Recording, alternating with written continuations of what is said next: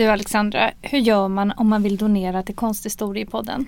Jo, då går man in på vår Instagram-sida och så går man in på länk i bio och där finns det en knapp som heter Ge en slant till Konsthistoriepodden och den klickar man på.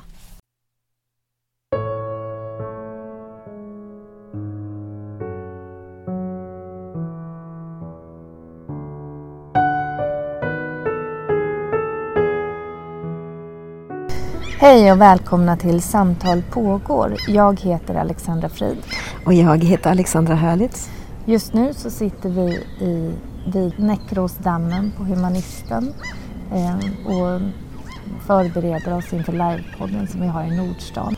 Och igår var vi faktiskt i Skövde på Konstmuseet och där öppnar idag en utställning som heter Androgynous Protection. Och det är en amerikansk feministisk konstnär med judiska rötter som heter Linda Stein som alltså eh, visar kon sin konst där i ett stort retrospektiv. Och vi åkte också till Skövde då för att lyssna på Linda Steins föreläsning Below the Eyes, Sexuality and Averting the Gaze som handlade om hennes konstnärskap. Och vi tog också tillfället i akt att intervjua museichef Thomas Oldrell om den här donationen. Eh, det är, egentligen, eh, det är egentligen en ganska intressant historia för att det var ett mejl. Mm. Vi fick ett mejl från hennes museum liaison Anna-Marie Ho mm. som sa att vi är kollar runt i Europa på platser för Linda Steins konst. Mm. Och, eh, vi har, det vi har sett om er låter intressant mm. och vi skulle vilja ha ett samtal med er. Mm. Så att eh, utifrån det här, jag tror att den här kom typ, eh, typ veckan efter midsommar eller någonting sånt där. Så det mejlet, ja just det, ja. så det mejlet låg, låg eh, till efter sommaren okay. innan vi svarade på det. Och när vi svarade på det så satte vi upp ett, eh, ett möte, ett Teamsmöte mm. och, så, och så pratade vi lite grann för att få en eh, liten bild utav vad det handlade om. Vi kände inte till Linda Stein sedan tidigare. Eh, så att vi kollade, kollade, upp lite grann vem hon var, och om det här var någonting som skulle fungera i, i, i museet för oss ganska snart så kom vi fram till att, eh, att det här var jätteintressant för oss. Det, det, dels för att vi har, vi har ju som en av våra eh, målsättningar, eller våra... Eh, vi, vi jobbar ju för ett eh, mycket med eh, norm, normkritik mm. och få sam, samlingen representerad på, på ett jämlikt sätt och så vidare. Eh, så att det här var ju jättespännande och ett konstnärskap som eh, vi eh, inte kände till och som dessutom då eh, faktiskt var utav en konstnär utanför Europa vilket gjorde det eh, inte mindre spännande. Och när, när vi sen träffades och pra, pratade med varandra så började vi ganska snabbt gilla varandra också, vilket hjälpte till. Så att eh, eh, re, re, redan på hösten där så började vi eh, titta på kataloger utav, utav konst. Eh, vad, vad vi ville ha och, och, så var det, ja, den här hade ju varit rolig att ha och då hade det varit kul att ha den också. Så mm säger Linda att ja men då kanske ni vill ha den här och den här också. Så det blev ju det blev ju till slut blev det en ganska stor samling. Det är nästan 120 verk som, som eh, eh, vi har fått, ja, hund, vad ska man säga, 100 114 verk är det väl och sen så är det några verk som vi kommissionerade, bland annat den här eh, Holocaust Heroes-serien har vi, någon, har vi en variant av som heter Unique Variations. Så att vi har en egen utav dem som hon har producerat nu eh, eh, under det här senaste året. Och hur många ska ingå i den permanenta samlingen eller utställningssamlingen? Uh, alltså den tänker vi att den kommer vi variera och göra olika utställningar med. Men uh, det blir ju det blir en ganska stor del utav, uh, utav de verken. Om man tänker sig att det är då 120 verk så tänker jag att det handlar ju i varje fall om ett, eh, om ett 40-tal, 30-40-tal verk som vi, vi kommer visa i den. Då, så att hon får liksom som en hel flygel i museet eh, nu. Eh, efter sommaren Mm. eh, kommer, kommer den invigas. Har ni fått någon respons på den här donationen? Från allmänheten eller från... eh, Ja, det har varit, det har varit, må, det har varit många, många turer eh, i, i kommunen till exempel. Det var, svår, det var många saker som handlar om eh, eh, allt annat än konst. Värdet utav det här och vem, kan, vem måste vara med för att bestämma om att ett sånt här ett sånt här verk ska kunna ta, så den här typen av samling ska kunna tas emot och så. Så att det har malts väldigt mång, många kvarnar och vi har fått en, en hel del intressant eh, feedback också från, från eh, eh, folk som har hört talas om det här. Då. Det har ju skrivits en del om det. Inte så mycket på nationell nivå men eh, lokalt har det uppmärksammats ganska mycket.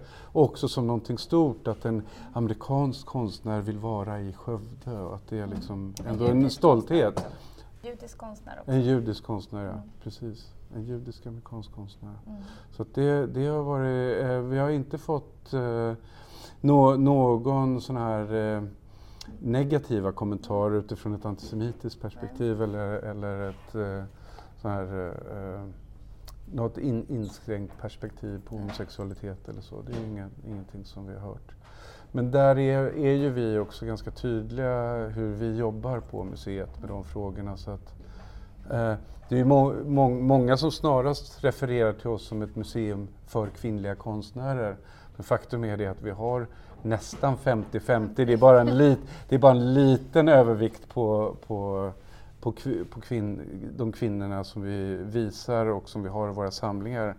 Men den övervikten är ju inte i antal konstnärer. Det är fortfarande mer manliga konstnärer. Men vi har större samlingar utav kvinnorna rent generellt. Okej, ska vi gå och titta på utställningen? Det tycker jag vi gör. Eh, I föreläsningen eh, som Linda Stein höll eh, igår så berättade hon om sitt konstnärskap och sin, sina, sin, sin uppväxt. Och efter föreläsningen så fick vi gå på en förhandsvisning med, i hennes retrospektiv. Eh, och då intervjuade vi henne om eh, flera olika saker, bland annat om hennes, ett av hennes favoritverk i utställningen. Eh, men vi frågade också om Ja, vi frågade om olika motiv som är återkommande men också om material som hon använder för det är väldigt tydligt att ibland arbetar hon i metall och ibland i någon väldigt mjuk, nästan sammetsaktig tyg. eh, ja. Let's talk about this one. This one, okay. Your favorite in this exhibition. Yes. What okay. is the I think it's called Fierce Femininity. And I number each of my pictures. Oh, I have to be careful Yeah. not to. uh, I, I number each of my works. Let's move So, over here. so, Yeah. so this is uh, 738? Fierce Femininity 738, yes. And uh, once again, you see the one foot forward, one foot back. And uh, this comes off the, we'll call it a mannequin. And you could see it has on the sides Velcro straps. I don't know if you noticed it. Yeah. And a vel- Velcro shoulders Yeah. so it would fit any body and it could be put on the body and um, and people look in the mirror Yeah. while they are wearing this Yes. and sometimes when they come to my studio i ask them if they would like a bow and arrow or weights or um, let's see what or barbells uh, barbells a bow and arrow or boxing gloves Okay. As you saw in one of the Yeah. pictures there boxing gloves and one tv person that was interviewing me Mm-hmm. said um, i would like to put on the boxing gloves and the sculpture. Uh, it was a different sculpture than this. And she put the microphone in the boxing gloves, and the whole interview she she did with her wearing a sculpture with the boxing gloves, and uh, and to me this is um, a kind of armor, Yeah. A kind of protection. As Yeah, I said, shield, my right? work a shield. My work is all about protection. And sometimes I film people when they come to my studio, and I ask them to look in the mirror as they try things on and tell me how they're feeling. And sometimes you get such interesting responses. So, uh, one, one man put on the one with the W, uh, and he said, Oh, I feel pregnant. I feel like a pregnant. I always wanted to know what it felt like to feel pregnant. This circular here makes me feel pregnant. And then um, uh, another woman uh, said, I feel like just patting myself all over. You know, it's almost like I could play music while I'm wearing this. And then she put on another one to show how sometimes there really is a brain change when you look in the mirror. And she said, My mother died three weeks ago, Yeah. and I feel like I'm holding her in my arms right now. Yeah. I can't I can't breathe. Take this off me. Okay. Y- you know so Yeah. she really got into that whereas the other one she was just having a great time uh, sometimes um, older women would, would say uh, if i were wearing this in the street i would feel safer walking out late at night um, one college student young woman put one on and said, Oh, if I were wearing this when my boyfriend wanted to have sex without a condom, it would be much easier for me to say, No, you can't. so, so it's an interesting reaction, uh, and sometimes people, some people just say what they think you want them to say, but some people really get into it. And uh, um, But these are really wearable sculptures. they are. I've stopped doing these performances. Okay. What I would do in the past, if I came here, I would ask Thomas and Thomas to find a local um, group of dancers, or I would ask Lars from the university to uh, to have the dance department uh, ask if there are some students who would like to create a dance or a poem or a skit wearing the sculpture. But now I feel I've been doing that so many years now. I'm afraid something will happen to the art. I've been lucky up till now, nothing has happened. But I think it's time to let it just be viewed now. Can, can I just ask you something? Have you always been a New York based artist? yes. So during the 70s, 60s, and 70s, when Judy Chicago and Miriam Schapiro were active, but mainly on the West Coast, like what was the situation for artists in for fe- for feminist artists in New York?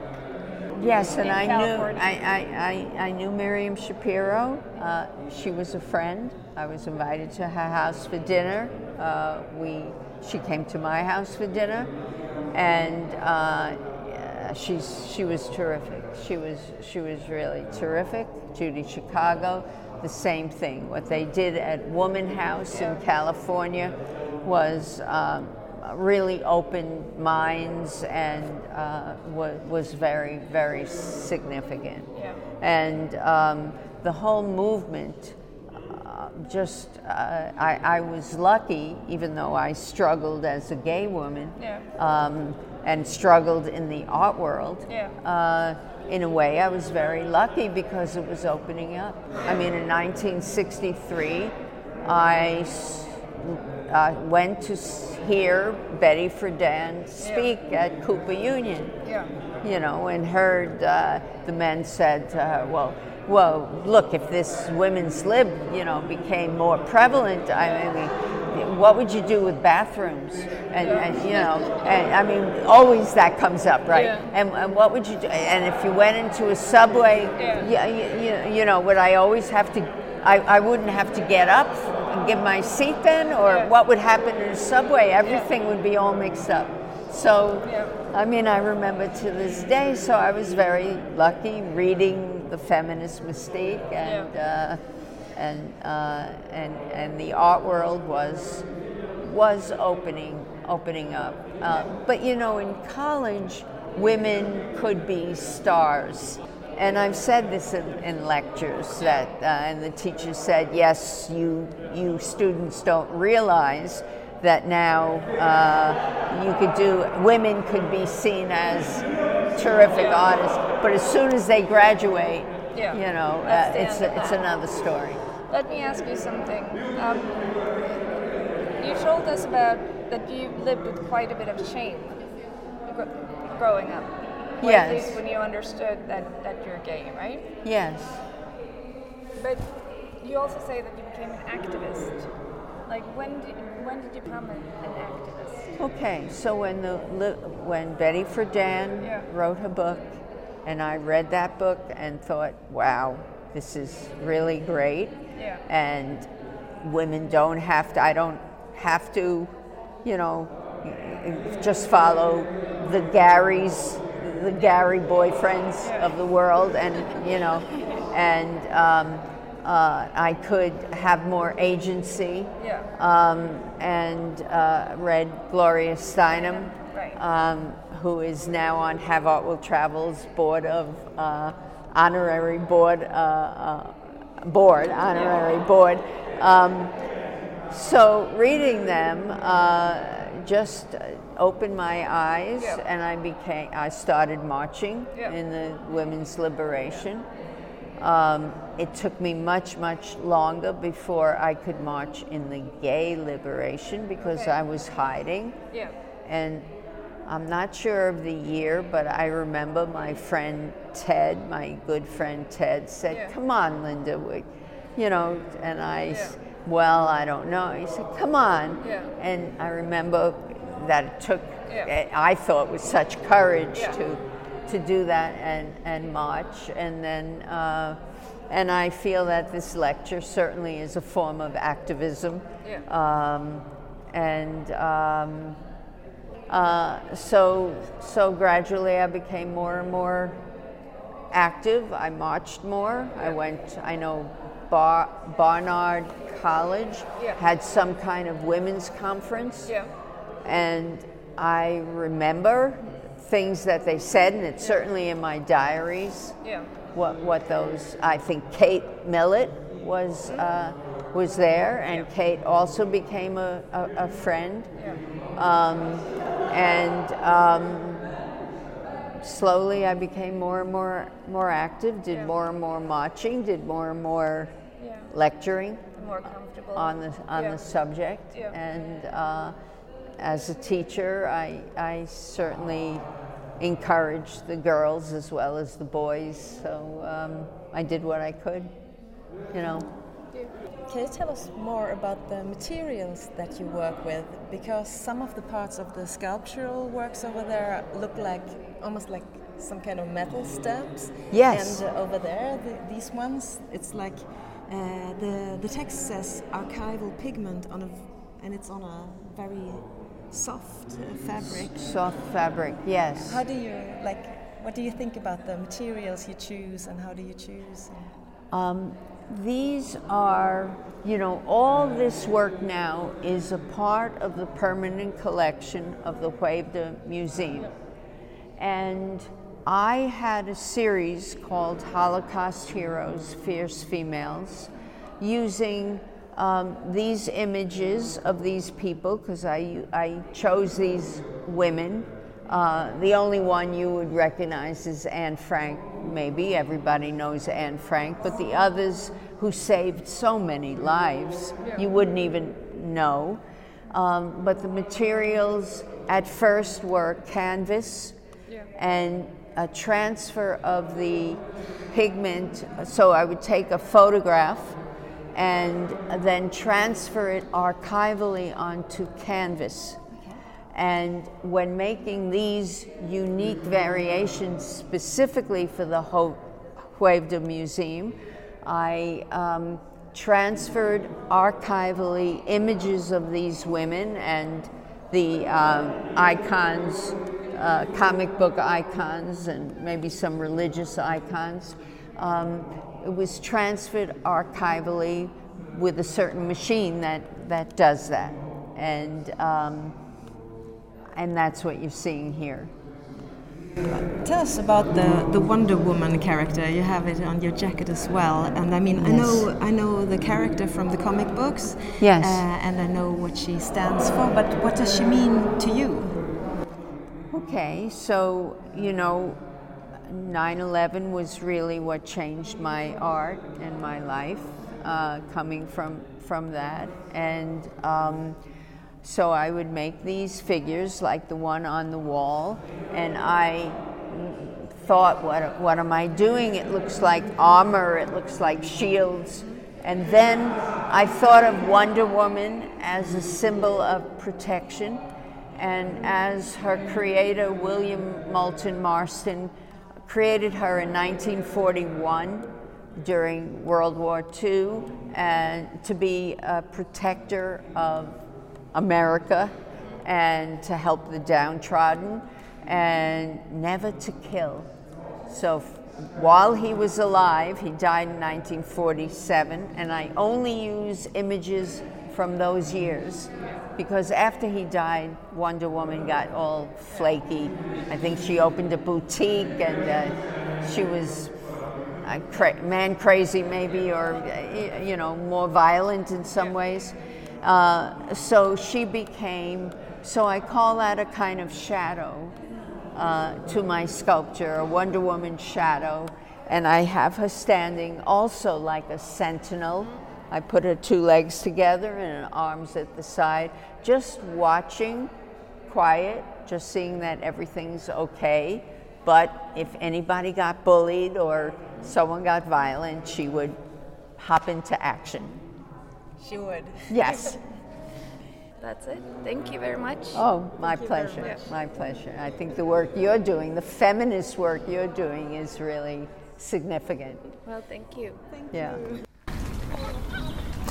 Ehm, vi är ju intresserade av eh, konstnären som entreprenör och donationer och så vidare. Så det var intressant att få veta lite mer om hur den här donationen hade gått till och hur man bygger en utställning med en samtida eh, feministisk konstnär i en stad som Skövde. Tack för att ni har lyssnat. Tack för att ni har lyssnat. Hej då. Hej då.